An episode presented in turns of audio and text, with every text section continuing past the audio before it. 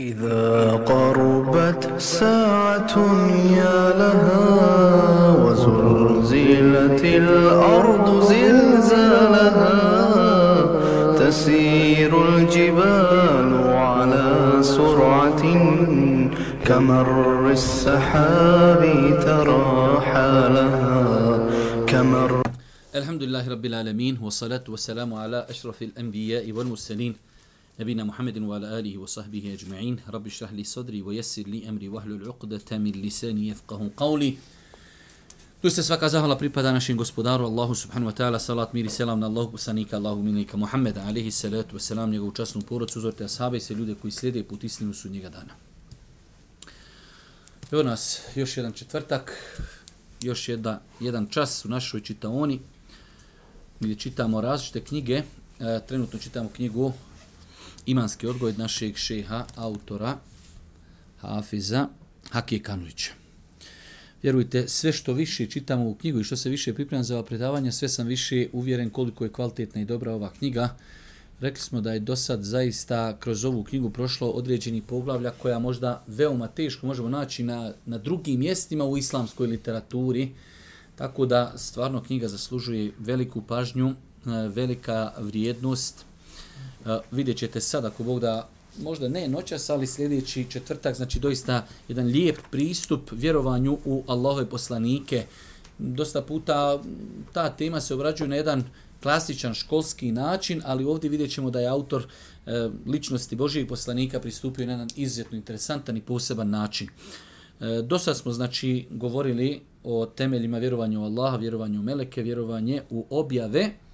Rekli smo da je autor na jedan izuzetno lijep školski i naučan način govorio o, o prijethodnim objavama, govorio o argumentima koji potvrđuju i činjenicama i argumentima koji potvrđuju da su prijethodne nebeske knjige u koje mi vjerujemo općenito, da su izmijenjene. Pa smo spomenuli da prva stvar jeste da nauka, nauka jednostavno negira mnogo toga što mnogo toga. Dosta tih nekih stvari koje su spomenute i u starom i novom zavjetu. Za raskod Kur'ana, već možda neki 30, 40, ako ne i 50 godina nauka iz dana u dan samo potvrđuje, dodatno potvrđuje kuranske činjenice iznesene, znači u Kur'anu. S druge strane, rekli smo da u starom zavjetu i u novom zavjetu imate stvari e, koji ne doliče gospodaru. Sam gospodar uzvišnji Allah tebara katala opisuje se na način kako to ne doliči gospodaru. Sami poslanici koji su najodabraniji ljudi na planeti opisivani su na jedan izuzetno, izuzetno e, loš način kakav ne doliči da se, da se opiše neki, da kažemo, klošar i, i, i kriminalac, a kamo da to budu uzoriti poslanici, Nuh alaih selam, Lut alaih selam i drugi poslanici koji su opisivani na jedan gnusan način, da su bludničili, da su, da su E, preljube vršili, da su alkoholizirali se i tako dalje. Tako da su to sve onaj izuzetno lijepo poridane stvari koje ukazuju da prethodne nebeske knjige koje su prethodno objavljene su apsolutno iskrivljene. Večeras počinjemo govoriti o vjerovanju Allahove poslanike i vjerovjesnike. Vidite da sam autor kaže u Allahove poslanike i vjerovjesnike, množina. Kao što je tamo bilo u aku tu bihi u Allahove knjige i ovdje u Allahove poslanike množina. Pa mi muslimani, što je opet odlika samo Islama, jer vi kada odete sada kršćanima, odete židovima, kažete u koga vi vjerujete, oni kažu mi vjerujemo u svog i mimo toga ništa. Za razliku od muslimana koji hvala uzvišom Allahu te baraka ta'ala zato što tvrdimo odgovorno da su svi poslanici od uzvišnog Allaha i Muhammed alaihi salatu wasalam je samo pečat u jednom dugom nizu poslanika i svi poslanici su od Allaha i svi su pozdivali monoteizmu, tako da mi vjerujemo u sve poslanike i sve volimo i sve poštujemo i nikog od njih, nikog od njih ne smijemo vrijeđati na bilo koji način. Pa zato kaže vjerovanju u Allahove poslanike, množina, vjerujemo u sve poslanike koji su spomenuti, vjerujemo e, poimenično, oni koji nisu spomenuti, vjerujemo općenito. to. Autor nam kaže na početku, rijetko koji čovjek u životu nije razmišljao i postavljao pitanje o svrsi svoga stvorenja, a na to pitanje postoji samo jedan odgovor, stvoreni smo da Allahu robujemo i njega obožavamo. džine i ljude sam stvorio samo zato da mi se klanjaju, kaže uzvišeni Allah. Jedan interesantan način ulaska u ovu temu, autor počinje prvo sa tezom da većina ljudi istražuje, pita, postavlja sebi pitanje šta je to, je moguće da sam ja tu na planeti, ustajem, budi, idem u školu, vraćam se, diskoteka, spavam, ustajem, radim i da nema nešto ozbiljnije, da nema neka svrha, je li moguće, rekli smo, toliki kosmos, toliko sve precizno, samo ljudsko tijelo, sve je toliko precizno i sve nakon nastalo suda, što kažu Arapi i Kur'an, e, tako kaže, misli li čovjek da je stvoren nako, uzaludno. Sve toliko savršeno, sve počinjeno čovjeku, mjesec i zvijezde i kosmos i zemlja i planine i rijeke i hrana i bilje i životinje. Sve počinjeno čovjeku i da je to onako. Pa kaže autor, Allah Želšanu kaže, džine i ljude sam stvorio samo zato da mi se klanjaju. Život kroz koji prolazimo u stvari je veliki ispit koji nam je naš gospodar odredio. Uzvišen Allah kaže, uzvišen je onaj u čijoj ruci je vlast. On sve može. Onaj koji je dao smrti život da bi iskušao koji od vas će bolje postupati.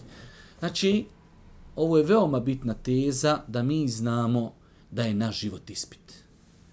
I vjerujte, nažalost, mi živimo u vremenu kada ljudi nemaju vremena za sebe, što je i tekako poražavajući, ali znači moramo neprestano imati na umu činjencu da je ovaj naš život ispit, a rezultate ćemo vidjeti na sudnjem danu. Kao što je došlo u redosnom hadisu da Allah poslanik kaže neće se pomjeriti čovjekova stopala. Znači neće se pomjeriti čovjekova stopala, alaikum selam, dok ne odgovori na četiri pitanja. I prvo pitanje o životu gdje ga je proveo o znanju koliko je radio po njemu, o tijelu gdje ga je koristio, i mitku kako ga je sticao, o mladosti gdje je provodio. U svakom slučaju, ovo je ispit. Mi sad, ovo sve što radimo, ovo je ispit. Ovo mi smo ušli u, ušli smo u učionicu. Mi sad popunjajemo svoje listiće, mi odgovaramo. Da bi nekad, ako Bog da na sudnjem danu, znali rezultat onoga što smo radili. Kada imate čovjeka koji tako živi život, onda je njegov život popunjen, on je sretan, on je zadovoljan. Hafize, ostavi tu knjigu. on je sretan, on je zadovoljan. On sudbini pristupa na način ono što je dobro i lijepo mu zahvaljuje Allahu, ono što ga zadesi od nedača, on se strpi, zna da je to iskušenje, jednostavno drugačiji je njegov pristup od pristupa ljudi. Pogledajte, evo ja to baš volim pročitati informacije u smislu, znam da nam trebaju za ovakve dersove malo, malo neki košarkaš, neki igrač, neki ima neki, neki glumac izvršio samoubistvo, ostavio za sebe milione na, i tako dalje. Zašto? Ljudi ne znaju zašto žive. Ljudi ne znaju svrhu. Ljudi nisu svjesni činjenice da je ovo život kratko, jednostavno ne svataju da tek život nakon smrti nastupa. Pa je ovdje autor odgovorio na ta dva pitanja da smo mi u osnovi stvoreni da robujemo Allahu, da svoj život uskladimo sa smjernicama Kur'ana i Sunneta, i da je ovaj naš život jedan veliki ispit. E, s obzirom na to da je ovaj svijet mjesto ispita i kušnji, a Allah nas je stvorio da bi ga obožavali, iznimno je važno poznavati put koji vodi Allahu za zadovoljstvu. Znati kako da Allahu robujemo i kako da uspješno položimo taj najveći ispit. Lagano nas uvodi u vjerovanje u poslanike, jer mi smo dosta puta kroz naša predavanja spomenuli glavni cilj poslanika – kroz historiju jeste bio da ljudima pojasni koji im je gospodar, zašto su stvoreni i kako da robuju gospodaru. Nama da nije poslan Muhammed a.s. Bili mi znali sad kako se klanja podni namaz? Bili mi znali kako se klanja i kindija? Bili znali kako se posti? Bili znali kako se hađ obavlja? Bili znali kako se dova čini? I tako dalje. Bili znali zašto smo stvoreni? Pa su poslanici ljudima pojašnjavali ta najveća krucijalna pitanja. Zato ovdje autor nas lagan uvodi i kaže s obzirom na to da je ovaj svijet mjesto ispita i kušnji, a Allah nas je stvorio da ga obožavamo. Iznimno je važno poznavati put koji vodi Allahom zadovoljstvu. Znati kako da Allahu robujemo i kako da uspješno položimo taj najveći ispit. Racionalnim i empirijskim putem nemoguće doći do te spoznaje. Do nje se dolazi isključivo putem, putem objave koju dostavljaju Božji poslanici vjerovjesnici nemo može sto, sto ljudi da ih zatvoriš, hiljadu, milion, kaj, hajte vi, proniknite, kako da mi klanjamo namaz. Nemoguće, vrata su ti zatvorena. možeš to spoznati samo putem objavi od uzvišnog Allaha te barake ve ta'ala. Racionalnim putem mogu se spoznati opća načela, ali u implementaciji tih načela razum će pogriješiti. Tako, na primjer, razum će dokučiti da je pravda lijepa vrlina, međutim, razum će nešto smatrati pravdom, a u stvari je to nepravda. Ovo je mnogo bitno. Danas se svijet mnogo fokusira prava, ljudi, prava, dokući, razum, mi to vidimo i tako dalje. Ne može, razum ima svoje granice. Ovo je mnogo bitno da shvatimo. Današnje čovečanstvo hoće da ostavi e, razum da nema granica, što je neispravno. Razum ima svoje granice. Staju, nakon tih granica dolazi objava, koja prosvjetljava i koja odgaja taj ljudski razum. I zato što danas ćete vidjeti, naviše to i autoru nekim od svojih mjesta, evo, nekome je pravda. Pazite, ljudi se boje za pravdu da imaju isto spolni brakovi. Pravda. Zato što on pristupa emotivno. Razum, pravda, ali u principima islama.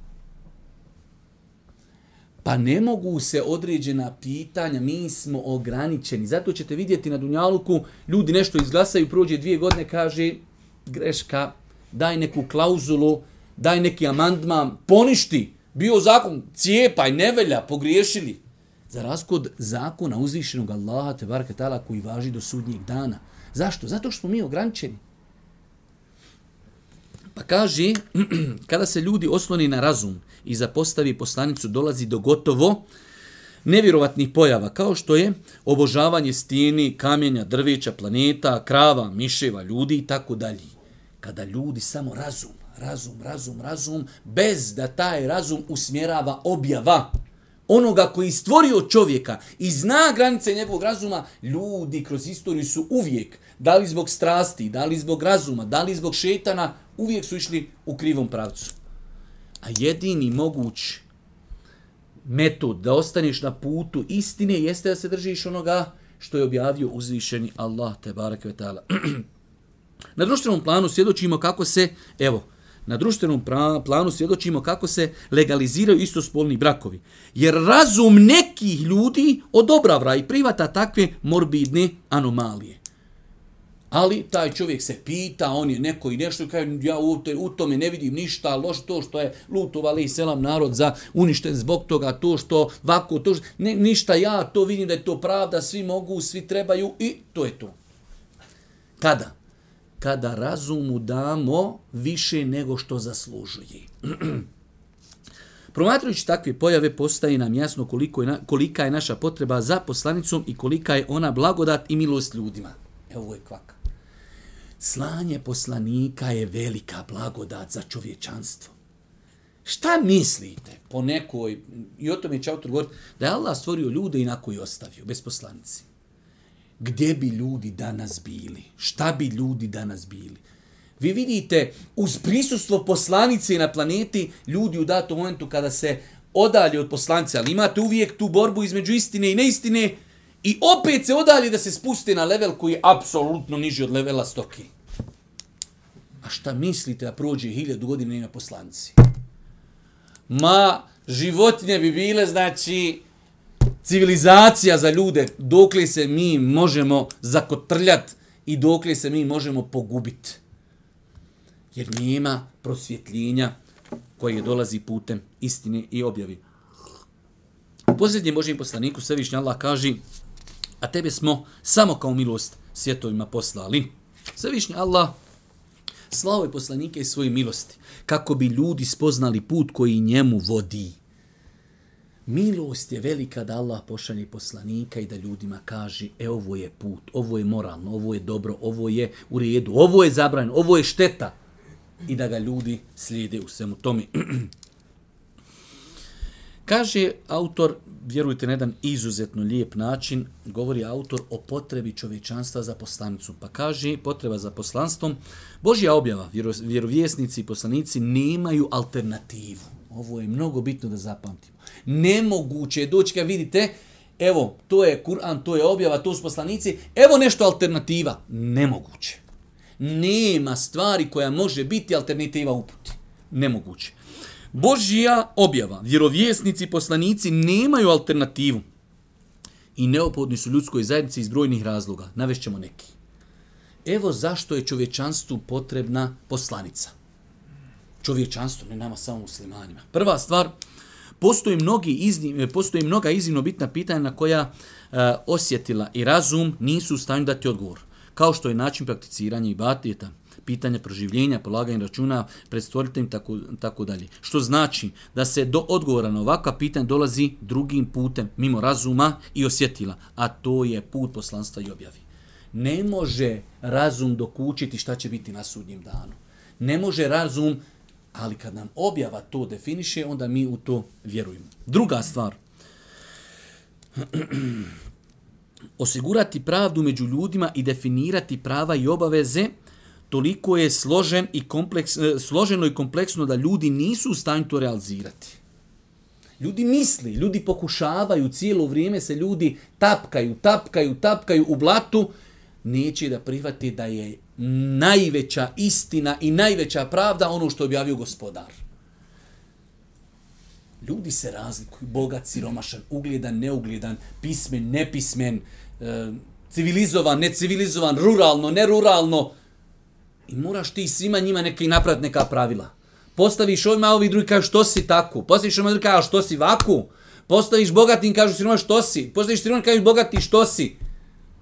I dođe ti gospodar, kaže ovo je za sve. Ne može drugačije. Pa kaže, osigurati pravdu među ljudima i definirati prava i obaveze. Toliko je složeno i kompleksno da ljudi nisu u stanju, nisu, pomiri se. Današnji čovjek teško mu pada da ga ograničiš. Ka, e ovo ti ne možeš. Šta nema, mogu i to je to. Ne možeš. Ko što ne možeš izmisliti Kur'an, ne možeš izmisliti jedan kur'anski ajet, ne možeš svati da si ograničen, nemoj prkosit Bogu, nemoj misli da si na levelu božanstva da sve možeš. A današnji čovjek ide u tom pravcu. Nema ograničenja, no limit, idemo, sve je halal, sve, je do, sve možemo. Ljudi prkose Bogu, možemo mi kišu zaustati, možemo mi da kišu, možemo mi i ne možeš jer si ograničen i ne možeš tu pravdu uspostaviti bez gospodara. I zato ćete vidjeti, ali neka, nek ljudi tapkaju. Nek ljudi tapkaju, zato što vidjeti zakon, ovako, zakon, onako. Kaj Boži za ovo što prežestoko. Ali zato tapkamo i svaki dan imamo posljedice tog tapkanja na svim našim ulicama. Da ne govorimo o svijetu. Ne pridržavaš se, dobro, tapkaj, tapkaj, mulje, ide, živo blato, toniš, toni, dok ne shvatiš. Ljudski razum podležan je brojnim uticajima koji na njemu ostavljaju duboke tragove, kao što je kultura i naobrazba, te snaga ljudske želje za nadmoći i superiornosti, koji navodi razum da odstupi od pravdi kada postavlja granice pravde i obaveza. Jednost ne može. Neko zbog svog eh, identiteta, neko zbog naobrazbe, neko zbog kulture, neko, neko definiše on pravdu na neki svoj način, koji je daleko od islama.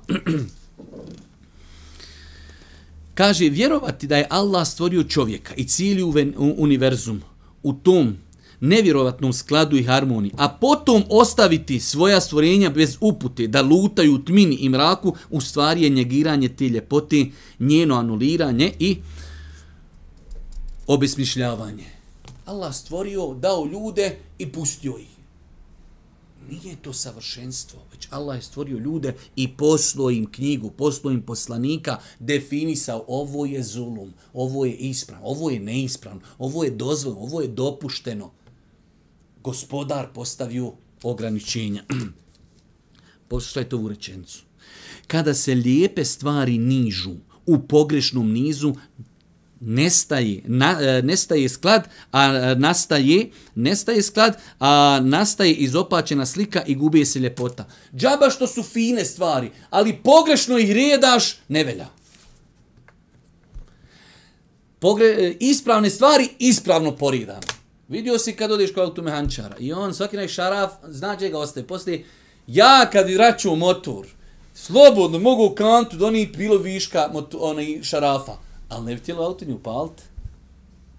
Ja kažem, evo motor je tu auto, ja sam njega gruhnuo, ro roknuo sam ga, tu je. Nije.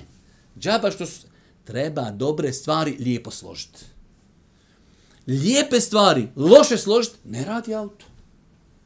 Vidio, jedan kabel sam zamijeniš, mm, mm, mm, mm, mm, vergla do sutra, neće, sam zamijeniš i odmah upali. Dobre stvari, dobro složene, ferceraju. Dobre, ali šta misliš kad uzmiš, loše stvari složiš? Kaj ima mora, kod nas? Može od nas Fiatu motor i u Škodu. Vi onda zakući ispadne on iz, iz haubi. A more kod nas. kaže Ibnu Tejmije, kaže, da nije Božji poslanci, razum ne bi prepoznao puteve koristi i štete u životu na ovom budućem svijetu. Jedno od najvećih Allahovi blagodati ljudima i jedan od najvrednijih darova jeste da im je slavo poslanike, objavljivao svoje knjige, ukazivao na pravi put. To je, ne razmišljaju ljudi da je to jedna od najvećih nijamita na planeti, da su imali poslanike. Dolazili, donosili put istine, put pravdi. Stanovnici zemlje mogu opstati samo na tragu objavi, prisutni među njima, a kada nestani tragova poslanika i iščeznu simboli njihove upute, Allah će uništiti nebeski i dunjalički svijet i da će da nastupi kijametski dan. Vjerovjesništvo je neophodno da nadomjesti nedostatke i manjkavosti razuma. Ovo moramo noćas naučiti. Vjerovjesništvo, uputa, Kur'an, ona oplemenjuje, razum ograničen, krnjav, išao bi malo lijevo, ne, Islam dolazi koji će ga usmjeti. Pa kaže, vjerovjesništvo je neophodno da nadomjesti nedostatke i manjkavosti razuma, jer razum je svjetlo, a ne obstaje bez svjetiljke koja se zove uputa. Razum i uputa. I zato ćete, mislim da ovdje e, dolazi ta rečenica, kaže, razum nije imun na spletke ljudske požude. Uputa će razumu raširiti e ovu. Kad vidite čovjeka vjernika, vjernik, kakvo god situacija se deši, desi u životu, ti vidiš kako on na to gleda pronicljivo. Zašto? Jer je odgojen uputom, odgojen Kur'anom, nije bez obzira, nemusliman, on neće njemu učiniti nepravdu. Bez, nemusliman, možda mu nanio zuluma i nepravdu, ne, ne, ne, ne, ja imam ograničenja. Gleda nurom upute. To je mnogo bitno, zato ovdje autor tako je rekao, Razum nije imun na spletke ljudske požude. Požuda zove, ovo je ovako, ovo je onako, ne, ne, ne.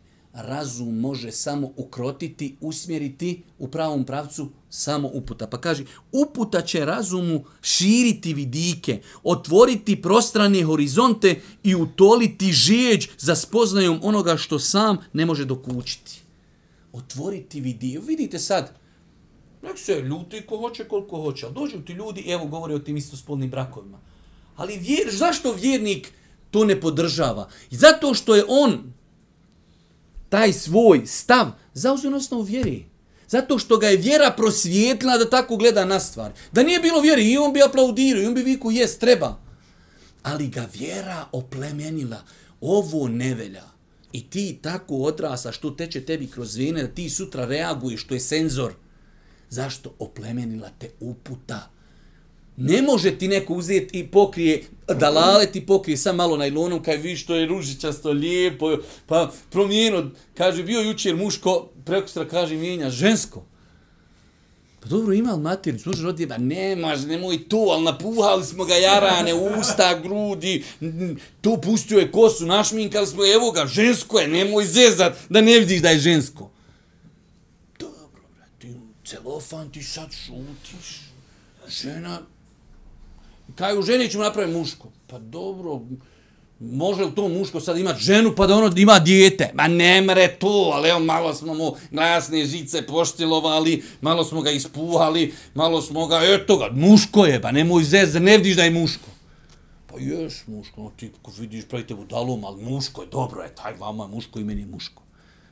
Ali te uputa prosvjedlo je to igranje s balansa, sa, igranje sa principima, igranje sa razumom. Ba nemojte me ljudi pravi budalom, ba vidim da je Allah stvorio muško, muško, ne mreš ti od njega pravi žensko, nikako.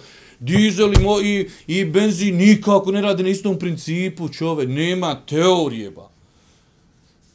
Benzin, dižeš malo brže, nogu skvačila, ugasi se čoveče i završena stvar, dizel, i ode on različiti principi, boš pumpa ima, nema, svjećice, struja, isto čovjek i muško i žensko, drugčiji sistem čoveče, žena ima maternicu, kamo, šta što muško ugurat unutra, balone, ne može, nije to jednostavno, Božja, da ne govorimo o emocijama, da govorimo o, ma to je nešto skroz drugo, sam daj vanštinom da ga priklopimo čoveče. Pa te islam odgoji da, da ti prepoznaš istinu. Uputa te Allah mi odgoji da vidiš istinu istinom. Kaže četvrto, spoznaje Allaha i znanje o njemu generira ljubav i pokornost, a vjerovjesništvu nema premca u otkrivanju Allahove ljepote i veličanstvenosti. Ne možeš spoznat Allaha, što je jedna od najbitnijih stvari na dunjalku, osim uputom, osim objavom. Zato kad smo govorili u e, vjerovanje u Allahove lijepa imena i svojstva, šta smo rekli? Allahova imena i svojstva se uzmeju samo iz Kur'ana i sunneta. Ne mogu mi reći, sjedimo u nas, pe, hajde mi jedno Allahovo ime izmislimo. Nema izmislimo. Ima hadis, ima ajet. Pa ljepota spoznaja gospodara, zato nam je potrebna poslanica da bi spoznali svoga gospodara Allaha subhanahu wa ta'ala. Peto, ljudska duša lako, lako se i brzo odaziva svojim porivima. U njoj je sjeme oholosti i klica arogantnosti. Stoga je potreba nadzor izvana kako ne bi odbacila istinu i krenula krivim putem. Subala, kako su ovo teške, teške i bitne konstatacije autora. Insan ko insan slabašan, malo idu protjevi, malo šeitan, malo bi se čovjek zaokrenuo u pogrešnom pravcu. Treba, kaže, nadzor. Šta je nadzor? Uputa je nadzor koja te usmjerava, ovo je ispravno, ovo je put, ovo je dalalet, ovo je zabluda. Pa, ponavljamo, ljudska duša lako se i brzo odaziva svojim porivima. Pazite, ima, imate ljude koji su daleko od Boga. Hajde, ti ljudi, žive za strasti. Vjernik se ne može odaz, o, o, znači oduprijeti svojim protjevima. Vjernik, čovjek vjeruje, klanja, žena posti, kad vidiš kako ljudi padaju na porive. Još zna, gospodar, sudnji dan, meleki zapisuju, ali oslabi iman, čovjek padne. Šta mislite onda za čovječanstvo? Nema nikakvog nadzora. Sve je free, sve je dozvoljeno to ima, vrate moj dragi, za 15 godina dalale da, da znači ovlada planetu. Zato kaže, ljudska duša lako se i brzo odaziva svojim porivima. U njoj je sjeme oholosti i klica arogantnosti. E sad to sjeme nekoga zaljeva i procvjeta mu na uši. Arogantnost, umišljenost, bahatost, a neko to ne da, ne da da proklije. Stroga je potreban nadzor izvana kako ne bi odbacila istinu i krenula pravim putem. Šest po uspostavljanje dokaza protiv oni koji nisu povjerovali nakon što su im došli poslanici, e, poslanici. Jedan od razloga zašto je Allah slao ljudima poslanike i objavu, aha, da budu dokaz. I danas na planeti, da li mislite da će neko imati opravdanje živio u Arabiji ili ne živio, da kaj ja nisam znao? Jesi, jesi znao klikneš tamo na internet, ukucaš riječ islam, izbaci ti more. Eh, znao si. Pa su poslanici dokaz protiv ljudi. I tu je potreba ljudi, jer bila bi to ba jare bi nepravda, ti dođeš čovjeku, kažeš, vidi, nasvoj hajte nešto odgovar, kao ja nisam ništa znao. Ne, ne, ne. Allah je svim ljudima slavo poslanike, da im pojasni, hoćeš, hoćeš, nećeš, nećeš, ali ima uspostavljen je dokaz protiv tebe. Sedmo, kada ljudi vide muđize i čuda kojima Allah pomaže svoje poslanike, lakše će se Allahu odazvati. Znači, potreba za poslanicom je u tom je što kada ljudi vide muđize, dolazi poslanik, poziva ljude Allahu i ljudi, neko hoće, neko neće. I onda Allah pomogne poslanike sa muđizama, nadnaravnim stvarima. Božijem poslaniku kažu, dobro, ako je istina to što ti kažeš, hajde nek se mjesec popolovi. Pa se mjesec popolovi. Svakako i srce se zajedno sa njim popolovi, pa neće da vjeruju. Ali Allah šalje muđize da ljudi vjeruju, da bi opet to bio dokaz protiv njih, pa je potreba objave da bi opet bilo dokaz protiv ljudi. Osmo, poslanici su uzor i praktični primjer kako se nositi sa životnim tegobama i kako traže Allaho zadovoljstvo. Allah subhanahu wa ta'ala, potreba za poslanicima je i ta da ti neko praktično. Sad da dođeš, čovjek da nije bilo poslanika, ljudi bi mogli gospodaru na dan reći, pa vidi gospodaru, nismo mi znali kako to ide, da je neko praktično nam to pokazao, već lako je melecima da budu pokorni, nemaju strasti i ništa, ali mi, a pa je gospodar pošalje jednog među ljudima iz njihovog naroda koji ima potrebu, zato Allah Žešan kad upisuje e, Isa i njegovu majku, šta kaže? Kana yakulani ta'am, išli su šune fil esva, išli hodat po pijacama, jeli, pili, poslanici imali žene, imali djecu, imali strasti, E, taj ima poslanik i komšiju, ima poslanik i dijete, ima i unuče.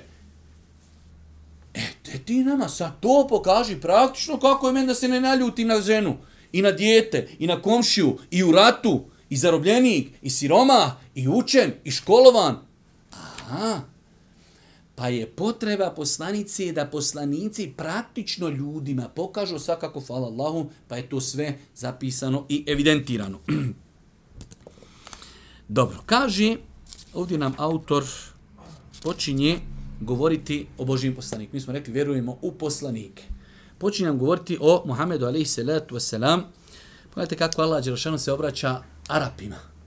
Kaže, em lem ja'rifu rasulehum fehum lehum munkirun. Ili oni ne poznaju poslanika svoga pa ga zato poriču.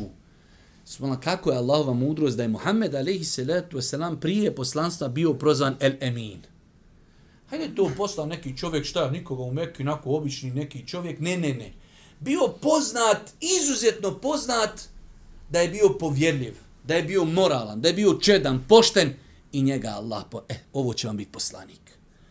Pa im Allah Đelšanu kaže, a zar vi njega ne poznajete ko je i šta je?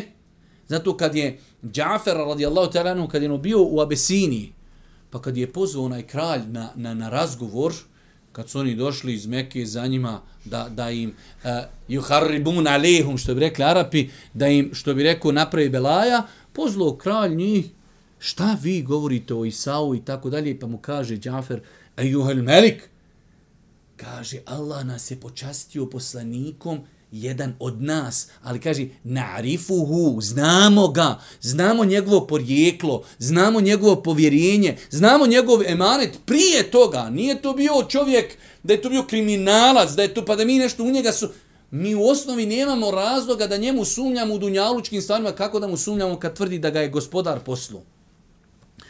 Pa kaže nam autor ovdje, vjera islam temelji se na vjerovanju u istinitost poslanici posljednjeg Božijeg poslanika Muhammeda alihi salatu wasalam. Su, suština vjerovjesništva jeste dostavljanje istinite vijesti. Uvjet da bismo vijest prihvatili i smatrali istinom jeste spoznaja da dolazi od onoga koji govori istinu, da razum ne poriči njegov govor i da se podudara sa stvarnošću. Oće ovdje više nam autor govori o nekim pravilima i principima kako mi da povjerujemo nekom kada nam nešto govori. Sad došao poslanik, nešto nam tvrdi prva stvar da vidimo da li se to kosi sa stvarnošću, ne kosi, kosi ti i tako dalje. Pa su to neka pravila kako određenu vijest prihvatiti.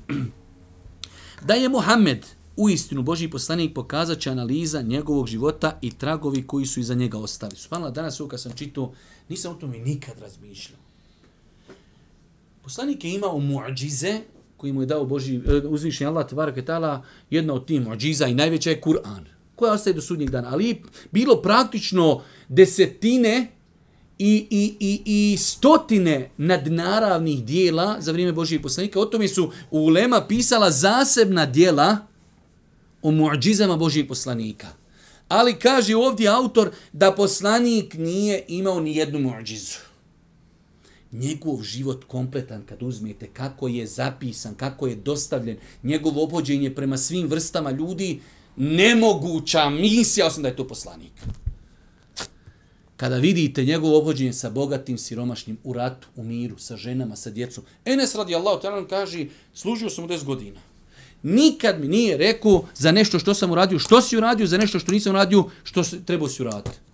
A to ne mre niko osim poslanik. Imaš svoje djete i s tom putu kaže, što si, što nisi. To mora poslanik. Dođem beduini, potegne ga za, za, za jaku da mu ovdje crveno ostane gruba odjeća. Kaj, Mohamede, nećeš poslanik, Mohamede, naredi da mi dadnu moje pravo. Gledaj aroganciji. Sve kaže, hajde dadnite. Da mene ko potigne do nabašćaši kaj, pezane, jerane, bite, majgerijen zviznu u glavu, razumiješ? Čuj, pezane, čuj, dadni, de naredi, da me, da me pomilki. Halo, ne diraj mi bijelicu, jarane, da ne zovem sekuritija. Poslanik, ali i salatu wasalam, u ratu, u miru, u blagostanju, sa bogatim, sa Meni dođu, kaže, še, hoćeš halal, to imaš te na Facebook, neću nikom halal. Pa kaj treba, ne, ja neću. Poslanik Halalju, kaže Ehlul Mekka došla, oni ga, njegova rodbina, njegovi prijatelji, tri godine ga stavili u jednu dolinu, nisu imali šta jest, jeli kosti. Kaže, idhebu fe entumu tolaka, ite, svi ste slobodi, čovječe. Sve halaljeno. Mo ne mre to niko osim poslanik, čovječe. Ja ne mogu prije nekom tamo nešto na Facebooku nacrta neku sliku o meni i Kaj još halal neću, ne mogu, ljudski, ne mogu, poslanik sve halali. Zato što je poslanik. Ošao u taj gore, istirao ga kamenjem, teče krv do zemlji došao melek za, dr, za, zadužen za brda, kaj da srušimo, ja bih rekao, ne dva, četiri, dva ovda, dva ovda, neki se ne, neki ne mogu nikakve rolozi na čoveče, zatrpaj bagru, neki nema, ubili me kamenjem čoveče. Ne, nekaj, ne, pa možda će Allah da čoveče, da njihovi potomci budu dobri muslimani. Pa to ne vrasim poslanik. Njegov zato kaže Ibn Hazim i drugi, da nema nikakve muđize, samo pročitaš njegov životopis. ma ovo je poslanik, apsolutno, sto posto čoveče. Stoji, kaže, noge mu otekle od stajanja. Ja, brate, klanjam jedan reke, a Twittera i tu sa kulhu valla, brate, i njega, i njega sklanjam i već gledam na Whatsappu imam li poruka. Poslanik, ali selam cijelu noć klanja. Otekle mu noge. 11 rekiata, na prvom rekiatu uči Bekaru, ja, Imran, Jen, nisa. Pet džuziva na jednom rekiatu nama cijeli Ramazan hođa ne dođe da je došao tek peti rekiat, da, da, da peti džuz uči. 30 dana po 20 rekiata. Mi još nismo došli do jedni. On za jedan rekiat na jednu noć to se prouči. On ne vere, to sam poslanik. To, ja cijelo vrijeme sam govorio da kažem ljudi, njegov cijeli životopis govori da je on poslanik. Ništa drugo. Pa kaže, čak i kada ne bi postojala čuda nad naravne pojave koje su eh, Muhammed, eh, koje su Mohameda, ali selam pratile, njegov životopis dovoljan je dokaz njegovog poslanstva. U tom smislu Ibn Hazm, Allah mu se smilo kaže, životopis Mohameda svakako E, svako koga analizira i razmotri, nužno će navesti na zaključak da on govori istinu i da je njegova biografija svjedoči da je istinu Božji poslanik. Kada Muhammed ne bi imao ni jedno čudo mimo svog životopisa, to bi bilo dovoljno. E sad kaže autor, mi ćemo se, kaže, osvrnuti, osvrnuti ćemo se e, u ovom nastavku, ako Bog da, na neke dijelove njegovog života. Čak ovdje nam autor navodi činjenicu, mi smo to govorili, samo mi nismo muslimani svjesni mnogi vrijednosti koje posjedimo, tako da mi preko toga prolazimo, vjerujte, nije Boga mi da nekoga mi umalovažavamo. Ali kada bi kršćani i židovi imali blago koje mi imamo, koji se zove Muhammed alihi salatu wasalam, da imaju Kur'an, da imaju hadise. Oni bi to po nebesima kačili. Oni nemaju ništa. Evo vidjeli smo prošli put e, kad smo pravili komparaciju Kur'an i nebeske objave prije. To, to je ljudi, to je nemoguća misija praviti komparaciju u bilo kojem smislu. Jeste vidjeli kako je Kur'an sakupljen, kako je, kako je precizno sve završeno. Ne, kaže, pisan tokom hiljadu godina te vrat. La haule vela kuvata illa. Onaj prvi što je počeo pisati, to je zadnji, između njega i njega, 300 ljudi. Dobro, 300, ko su, šta su, gdje su, ništa. Mi imamo lanas prenosilaca. Mi imamo hiljede tomova koji govore o lancima prenosilaca. Mi imamo Kur'an koji ih zna danas stotine hiljada ljudi na pamet. Čovjeka sjedneš i puti enter. Elif, la, mim i završi kule uzbira bin nas. Ne pomakni se čovjek. To kad bi oni imali. Pa mi ne bi mogli hodat na planeti od njih. Mi ne znamo, ne znamo cijeniti naše vrijednosti koje imamo. Pa kaže autor, na početku vrijedno je istaknuti da je životopis Božih poslanika sačuvan sa velikom pažnjom. Kako nije zapamćena i sačuvana biografija bilo kojeg drugog čovjeka u historiji čovečanstva. Nema čovjeka, ja garanciju dajem. Evo sada dojete, dajte nam čovjeka čija nam je biografija najpoznatija posle Mohameda alaih salatu wasalam. Ja garanciju dajem da to nema ne desetinu, ni pola desetine od onoga što mi znamo o poslaniku, koji je živio prije 1400 godina, koji je živio u vremenu u kojem nije bilo interesantno zapisivati nešto o ličnostima. Bilo je Cezareva, bilo je Kraljeva, bilo je, znaš mu ime i prezime, i to i oko imena i prezimena, Faraon ko Faraon, znate koliko ima mišljenja kako se zvao Faraon, taj čudni Faraon? Je li Ramirez, nije, koji je dedo, unuk, tetić, dajđić, ime mu se ne zna. A lik vlado planetom. A Mohamed Ali Selam u Arapa dole. Rekli smo, prošli put smo govorili u kakvom ambijentu su oni živili. O njemu znaš od vremena poslanstva do njegove smrti, znači broj bijeli dlaka u bradi mu se zna hadisi prenoseni sa lancem prenosilaca.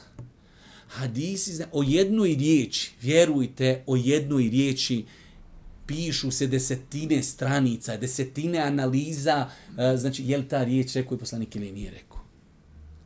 To je toliko precizna nauka.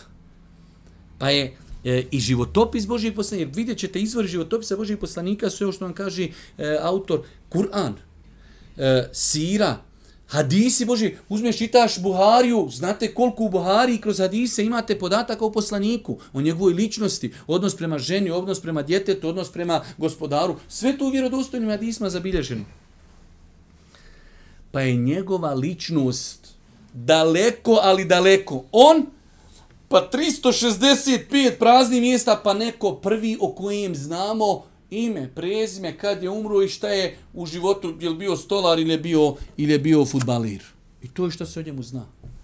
Maksimalna neka biografija, napišeš tri strance o čovjeku, to, brate, izvrtio sve živo što je na planeti bilo o njemu.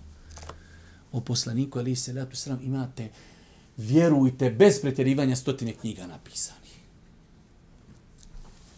Pa ovo je jedna velika stvar, zato kaže, uh, E, isto to potvrđuju i brojni istraživači nemuslimani, kao što je francuski orientalista Ernest, koji je rekao korijeni islama nastali su i razvili se pod bujnim okom historije.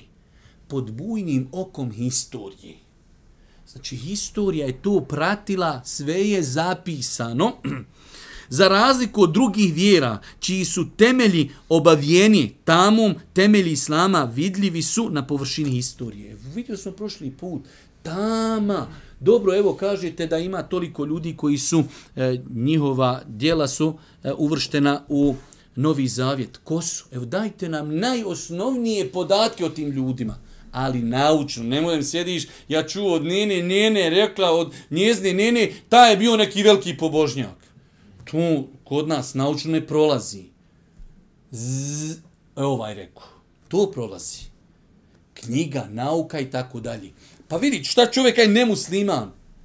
Islam jasan, zabilježen, historijski, za razliku od drugih, kaže vjera, zamotane su u tamu, fali.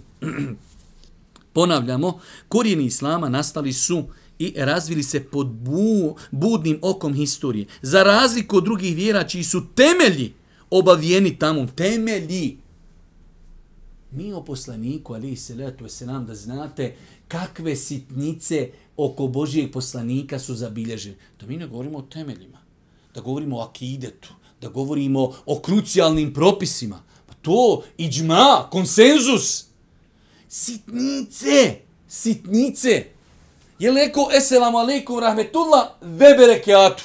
Ima li veberekeatu ili nema? Da je predavao selam, vako, na, sve, ali fali, je li ima berekeatu ili nema? U drugim vjerima, kaj temelji su obavijeni nepozni, nepoznanicama. Temelji islama vidljivi su na površini historije. Biografija utemeljena isla, uh, utemeljitelja islama poznata je kao što je poznata biografija bilo kojeg reformatora iz 16. stoljeća. Se poslanik u 7. stoljeću, ovi u 16. Između njih 90 stoljeća njegova zapamćena 100% viši. E kaže nam autor uh, izvori iz kojih se crpi životopis Božih poslanika, časni Kur'an, Nakon toga, Kur'an kao Allahov govor, imamo tefsire. Pa tefsiri u mnogim stvarima su prepuni predaja koje govori o Božijem poslaniku, alaihi salatu wasalam, jer sam i Kur'an je izvor e, podataka o poslaniku. Govori o bitkama, govori o njegovim suprugama, o propisima i tako dalje. E sada, kada dolaze u Fesiri, pa to tumače, onda oni dodaju na to, tumače to kroz prizmu njegovog života pa su tefsiri veliki izvor historije Božijeg poslanika i njegove biografije. Nezaobilazan izvor životopisa Allahog poslanika jesu hadi, hadijske zbirke i posebne knjige o biografiji Allahog poslanika, ali salatu. Biografija Allahog poslanika, eh, njegove riječi i dijela sačuvani su na preciznim znanstvenim temeljima. Precizni i zdravstveni temelji, znači nauka, naučni temelji. Evo ovdje ćemo, inša Allah, da, da preletimo ako ništa, da uzmemo bilo šta od ovih interesantnih stvari, konkretni moral Allahu poslanika. Autor nam hoće da nam govori o poslaniku, ali se letu selam, u prizmi morala koja potvrđuje njegovo poslanstvo. Ono što smo malo prije mi govorili. Znači, životopis Božih poslanika, evo nećemo ništa govoriti o muadžizama, govorimo o njegovom obođenju prema ljudima iz njegovog okruženja, koji sve kad uzmemo, potvrđuje da je on bio poslanik. Pa primjer radi kaže, živio je u okrutnoj pustinskoj sredini u kojoj je život bio izuzetno težak, a surovost i grubost bili su prepoznatljivo obilježe ljudi. Oni žive u vremenu, to su Arapi. U to vrijeme pobjeđivali su i bili su, eh, da kažemo, poštovani jaki, grubi I sad dolazi od Boži poslanik, ali se racam, uopšte nije u trendu da budeš takav, da budeš blag prema djeci, prema ženama. Znate, šta je žena bila za vrijeme Božijeg poslanika? I odjednom dolazi druga stranica. To su velike promjene, znači historijske velike promjene, ali je to sve iznio na svojim leđima Muhammed alaihi salatu wasalam. Kaže, stoga je spoj tih vrlina u Allahom poslaniku bio posve neobičan. Koji svojstva? Svojstva snage, moći i sile respektovane su u tom podneblju, a blaga priroda nije bila poznata u silu. Nije bilo poznata, ovaj je jak, ali i blag. To kod njih nije bilo. Ili si blag, pa te svi šutaju, ili si jak i svi te poštuju. I sad dolazi poslanik za koje kažu, kad je bio džihad i borba, mi se iza njega sakrivamo. Znači, borba, prvi. Ali isto tako prema jetimu, prema, dje, prema životinji, prema nemuslimanu, prema ženi, prema blag. Prema onom beduinu, blag. A kad je rat, sakrivamo se iza njega. E to oni nisu mogli. Nije bilo interesantno. Ali je to Boži poslanik, ali ih salatu wasalam, uspostavio. Kaže, kada je riječ o govoru Allahog poslanika, najbolje ga je opisao njegov sluga Enes, radijallahu taranu, kako Allahog poslanik nije vrijeđao ni govorio prosto, nije proklinjao. Kada bi korio nekog od nas, rekao bi šta mu je čelo uprašio. To je jedna opet malo bukvalno prevedena. Kažu Arapi, ma lehu teribe džebinu. Ali kao kad bi nešto tijelo najgore da ono, eto da bude ljud prema nekom, šta mu je, kaže, čelo mu se uprašilo. To je, to je vrhunac njegove kritike bilo. O hrabrosti Allahog poslanika kazuje njegov a, ashab Bera ibn Azib kada bi se rasplamsala bitka. Sklanjali bismo se iza Božijeg poslanika alihi salatu wasalam. A među nama je bio hrabar onaj ko se borio rame uz rame sa njim. Znači, hoćeš da dokažeš da si ti baš hrabar, e stani zajedno sa njim. Mi ovi manje hrabri za njega. A oni među nama najhrabri, oni mogu sa njim. Ne možeš nikako ispred biti Božijeg poslanika alaihi salatu wasalam. Na poslanika, na poslanikovu veličinu u praštanju kazuje se i predaja Džabira radijallahu ta'ala. Ono, poznata na predaja kada je došao čovjek, duga je predaja, lego Božiji poslanik, čovjek došao sa sabljom. Ko te, kaže, sad od mene čuva? Čuva me Allah. Ali kada mu ispala sablja, kaže, ako tebe čuva od mene, ha, kaže Muhammed, ali budi milostiv. Pustio ga. Isto tako kaže plemenitost je vrlina koja je krasila Božih poslanika, ali se letu selam. O tome su njegovi asabi rekli, nije se desilo da se nešto traži od Allahog poslanika, a da on to nije dao. Zato, kada jedan pjesnik vidio od jednog od njegovih potomaka kod Kiabi, pa neko kaže, ko je ona? I sad ono ne zna ga, kaže, i onda sad on njega opisuje po djedu.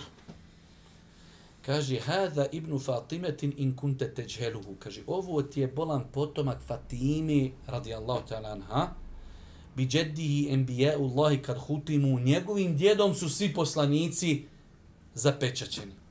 Ma kale la qattun illa fi tešehudihi, وَلَوْلَا تَشَهُدَ لَكَانَ lekane نَامُ kaže, on nikad nije rekao nema. Osim na tešehudu. Mora kaj na tešehudu reći, nema Boga osim Allaha.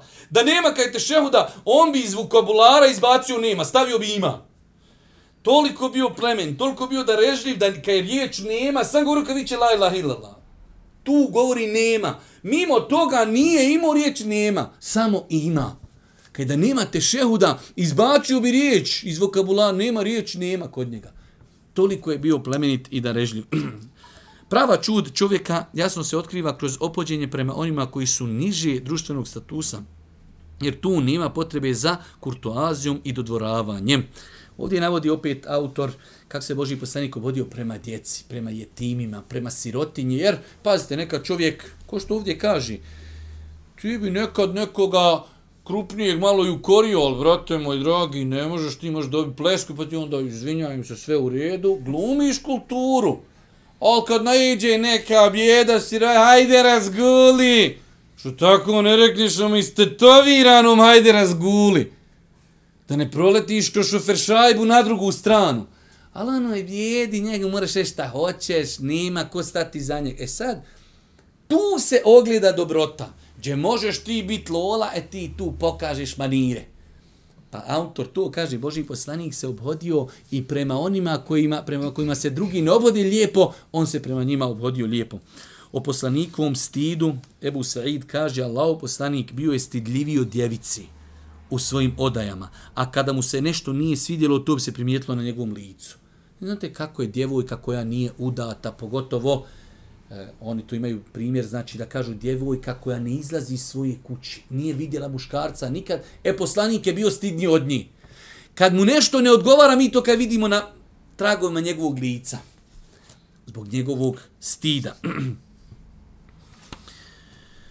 Ako pitaš, kaže u noćnom namazu Allah poslanika, ali i salatu wasalam, ovdje nam je autor govorio baš o ovome, e, mnogim hadisima u kojima govori koliko je dugo Allah poslanik alihi salatu wasalam stanjao na noćnu namazu. O tome kako je Kur'an djelovano poslanika alihi salatu wasalam govori predao Ibnu Mesuda jednom prilikom Allah poslanik reče mi prouči mi nešto iz Kur'ana. Reko, Allah poslaniće kako ću ti ja proučiti kad je tebi objavljen? On reče, volim ga slušati od drugoga.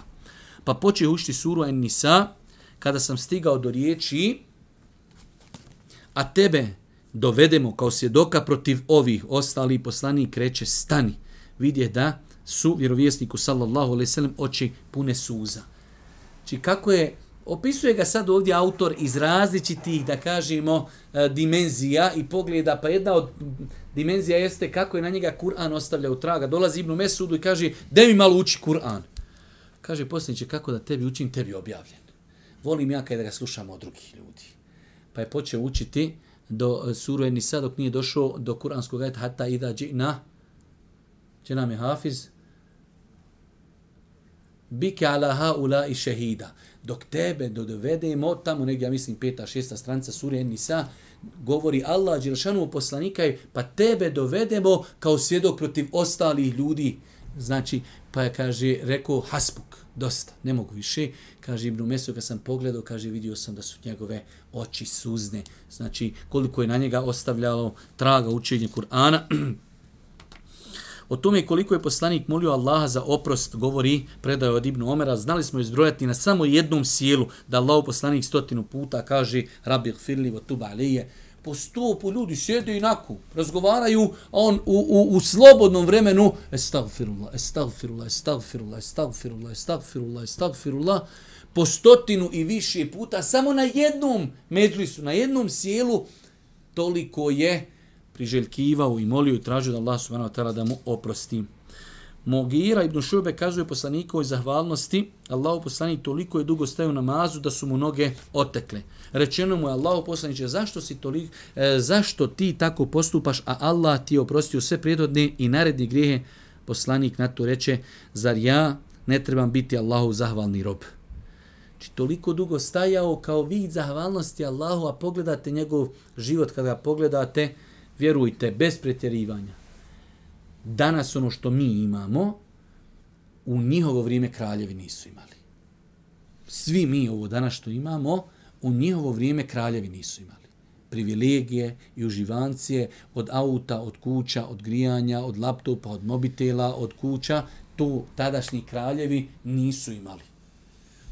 E taj poslanik koji živio toliko oskudno, koji vezao kamen jedan i drugi na stomata da utoli glad, on kaže, a zar da ne budem zahvalan Allahu te barkvetana. O skromnosti poslanika govori Enes ashabima nije bilo ni, nije bio niko draži od poslanika i pored toga oni kada bi ga ugledali ne bi pred njim ustajali znajući da on to preziri. Ja sam slušao jednog čovjeka, nisam bio tu svjedok, ali čuo sam povjerljivog čovjeka, znači lanac prenosilaca je samo jedan čovjek između mene i događaja. Kaže, čovjek predstavlja čovjeka i ono, eto, šta je on, ovo je Pezić, jel vedim, bla, bla, bla, bla, bla, bla, bla. I čovjek sjede, kaj, pa nisam ja, zato, pa ja sam magistar, bla, nisi rekao da sam magistar. Znači, ono, ali pre, pred masom, hajde da snijeđe mi na kafe, ono, ti jedan kaj, znaš, Peza, gdje si, ja kao, pa nisam Peza, sam magistar, bla, bla, bla. Lik pred masom, pred narodom, Ha, halo, nisi spomenuo sam magistar. To moraš biti bolestan na 168. Znači, ali pazi, poslanik kaže, mi smo njega toliko volili, ali kad dođe, nismo ustajali da on negdje sjedne, samo iz jednog razloga. Što mi vidimo da on to preziri. Ne smiješ ustati, on došao, sješće on ima mjesta. A poslanik, najbolji Allahov rob na planeti, mogu je reći, Ustaj svi na noge, ja sjedam, pa što onda sjest kako vam ja kažem. Ljubit ruke. Što imamo danas muslimana, Ne, kaže, mi nismo voli, on nam bio najdraži na planu. Kad bi komu za njem bi ustali. Ali nemaš usta, znaš da on to mrzi. Gledaj, ja nisam sam magistar. kaže, Aisha govori o poslanikovom strpljenju u oskudici. Poroca Allahog poslanika od kada je došao u Medinu, pa do kraja njegovog života nije se zasitila pšeničnog kruha tri noći za redom. Znači, u Medinu došli i tu su proveli toliko godina, tri noći za redom da su imali hljeba. Ne sad da, da ima frižider, da ima kuhinja, otvoriš i razgledeš, tebi bi mo narezak, riba, suđuke, zuhovni, ajvara, maj, majnezi, margarina, vaj krema, ne znam šta bi mano, Ah, a o hljebovima da ne govorim, integralni vaki, kifle, zvijezda, gore, dole, tri dana uzastopno, nikad u životu nisu zamoćili. A niđe nemate ni jedan hadis, ni apokrifan, da je poslanik rekao, ne mora se. Teško. Šta je ovo? Kad mene ljudi nazovu, vjerujte, ali što je interesantno, kako ljudi u zadnje vrijeme vjeruju, to je, to je stvarno čudo jedno veliko, kako ljudi se povezuju sa sihrom. Znači, ne znam, čovjek sad, ne ide u poslovanje, sihr, ne igra futbal, sihr, promašuje košarke, sihr, boli ga bubreg, sihr, sve je u sihru, sve je u zavidnosti, sve je neš neki, neki belaj. Pogledajte, Boži poslanik, njegova porodca, tri dana hljeba nisu zastupno imali. A Iša kaže u drugim predajama tri mlađaka, znači jedan mlađak, pa prođe mjesec, drugi mlađak, pa drugi mjesec prođe, kaže mi ne naložimo nikako vatru. Što znači, nekoha se ništa. Nema vatri, nema, nema, nema znači kuhanje, već nakon, šta ima, šta ima u to vrijeme, o, nema frižidera, nema kepa, dobro, nisu kuhali, pa supermarket bio dole u Mekke dole, evo bin Davud, nije bilo bin Davuda, to neko ti donese malo datulica, gotovi neko malo mlijeka, neđe neko ustrgne nešto ko ima se ustrgne, što još u meki ustrgnuti, nije to, nije to bos, znači ima jabuka, krušaka, grožđa, nema ništa ustrgnut. nismo kaj kuhali po dva mjeseca ništa. Ne, ne lažu se vatra. Totali. Znači, ne peče se ništa, ne vari se ništa. Šta ste kaže, jeli, jeli smo vode i datulu i našto šta nam pomalo donesu komši. Kaže, u poslaniku je brizi o, o postavio je autor pod, e, navodni, o običnim ljudima Ebu Hureyre kazuje da je jedan čovjek, crnac ili se radilo o ženi crnki, znači ova predaja nije, e, znači samo nije sigurno da li je bio muškarac ili žena, ali je predaja potvrđena. Brinula se o čistoći džamije, ali ono u jednu ruku nije nešto, nisu je posjećivali pažnju, pa kad je umrla ta osoba, oni je zakopali, nisu poslaniku ništa ni rekli. Sutra poslanik vidio, nema te osobe koja čisti meška, gdje je? Ma kaj je poslanik umrla, ali nismo ti mi tijeli javljati ono. Tako i kaže autor, nisu je predavali pažnju, daj, ne moramo sad za nju kaza poslaniku, nije to level. Kaže, aj povedite me tamo u zavke da vidim gdje je da joj klanjam dženazu. Pa dobro, niste, drugi put mi javite i to je to. Ne, ne, ne, kaže.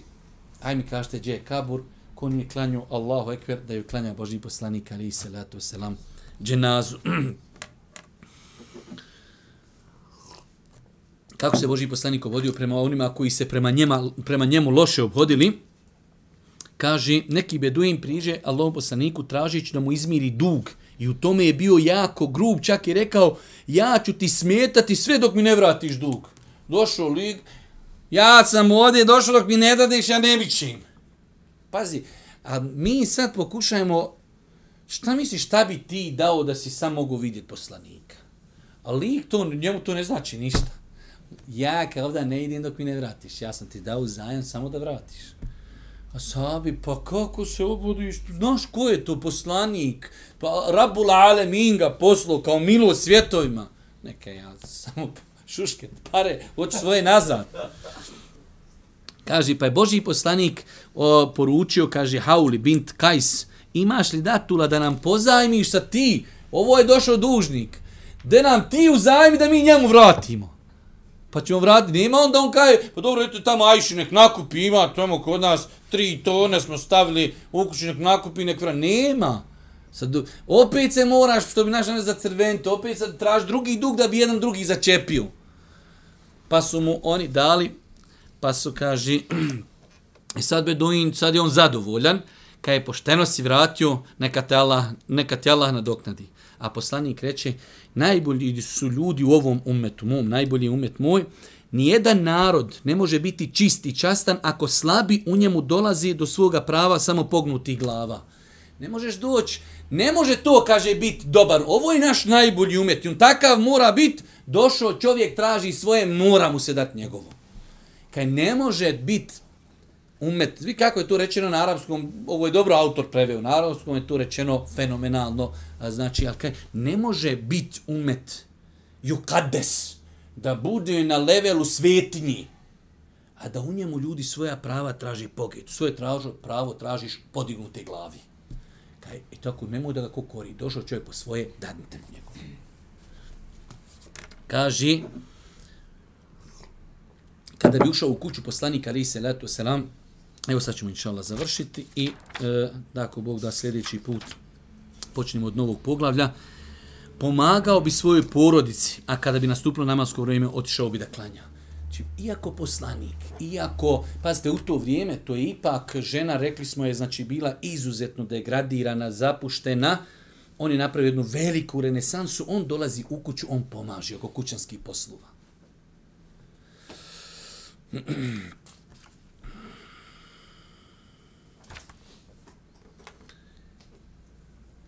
Poslanikova milost i poštovanje prema starima poseban dokaz, kaže, e, kako je poštovao starije kada su Ebu Bekrovog oca doveli e, u godini kada je osvojena Mekka.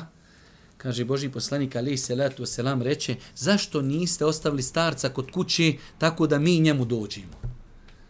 On njega doveli da primi islam kod njega. Kaj što vi niste meni rekli, ja bi ošao kod njega.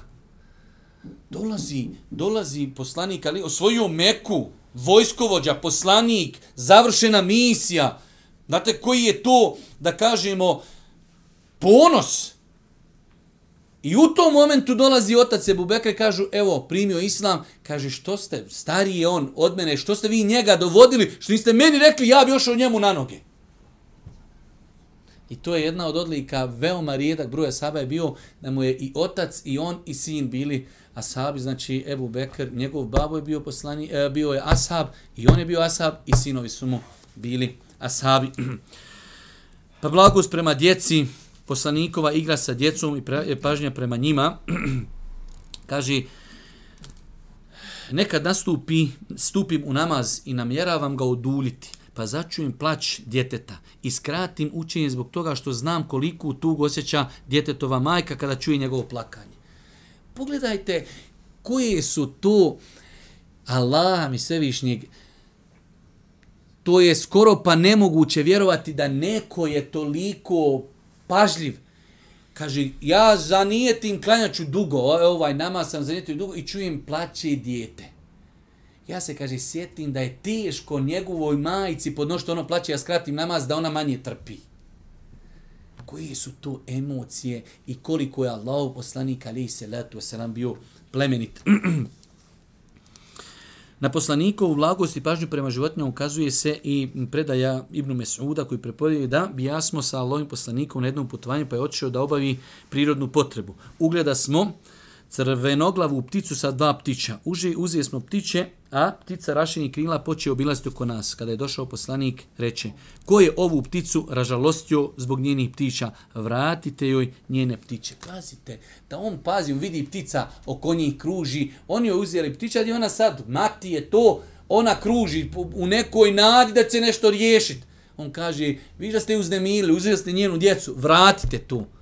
Znači, pazi na žene, pazi na djecu, pazi na starije, pazi na bogate, pazi, pazi, subhanallah il na životinje. Kaže, na kraju, ako uopćeno pitaš o njegovom, njegovoj čudi morala i iša njegova supruga je rekla, moral Allahog poslanika bio je Kur'an. Nakon svih vrlina koji smo naveli, ostaje da se ukaže na posebno bitno svojstvo svakog moralnog čovjeka, a naročito kad se radi o onome kod ostavlja Božju objavu, a to je i e, svojstvo istinitosti, istinoljubivosti. Ovdje ćemo se inšala zaustaviti. Allah, te tvarka ta'ala, molimo da nam podari korisno znanje, da nas uči na putu istini i na kraju subhanaka Allahumma da bihamdike, šerin lajlan stakfurke, vojtubu. Ilaikum.